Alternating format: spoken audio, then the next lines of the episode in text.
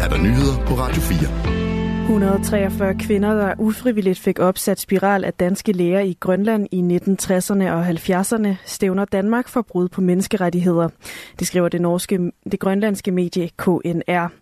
Kvinderne kræver erstatning på 43 millioner kroner samlet, og det gør de, fordi den danske regering ikke har reageret på det erstatningskrav, som kvinderne sendte tilbage i oktober sidste år. Det skriver mediet KNR. Sidste år krævede 67 kvinder hver 300.000 kroner for brud på menneskerettigheder, og siden da er antallet af kvinder, der kræver erstatning, vokset til 143. Spiralkampagnen foregik særligt i 1960'erne og 70'erne, og formålet var at begrænse befolkningstilvæksten i Grønland.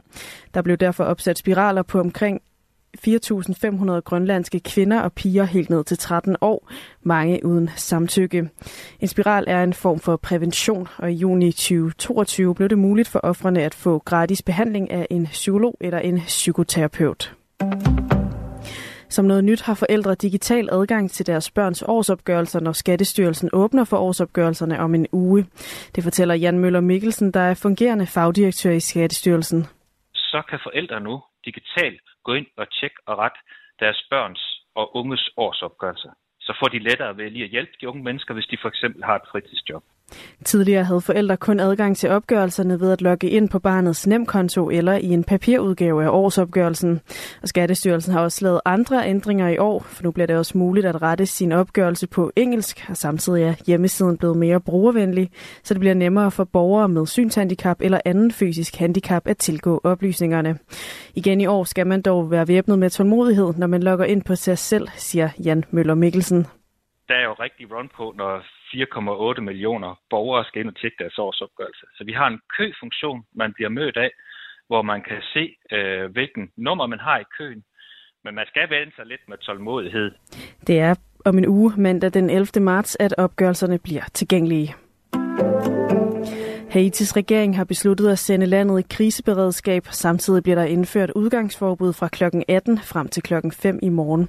Det kommer efter, at tusinder af fanger kan være flygtet fra et fængsel i Haiti efter voldelige sammenstød lørdag aften lokal tid, hvor bevæbnede bander angreb fængslet.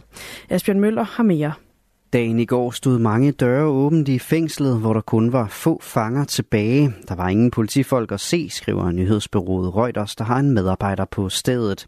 Fængslet, der er bygget til 700 fanger, havde ifølge en opgørelse fra februar sidste år 3.687 indsatte.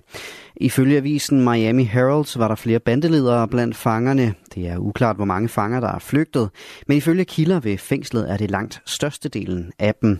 En medarbejder i fængslet siger til Reuters, at 99 fanger havde valgt at blive i deres celler af frygt for at blive ramt af en kugle, da bevæbnede bander angreb fængslet. Regeringen har indtil videre ikke kommenteret den seneste udvikling. Det lille karibiske land har i den seneste tid været plaget af omfattende uroligheder og bandevold. Det har fået landets premierminister til at anmode det internationale samfund om hjælp til at bekæmpe banderne, der har som erklæret mål at afsætte premierministeren.